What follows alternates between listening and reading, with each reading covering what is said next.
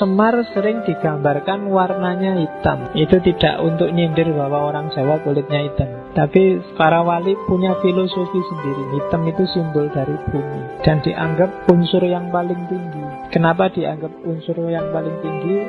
Filosofinya tiga. Yang pertama, bumi itu sifatnya teguh, diinjak-injak, dijarah-jarah. Kamu apain aja tanah itu tetap teguh. Bahkan yang kedua, semua unsur yang lain, api, air, dan angin, itu dia bisa eksis dalam wilayah bumi. Tapi bumi.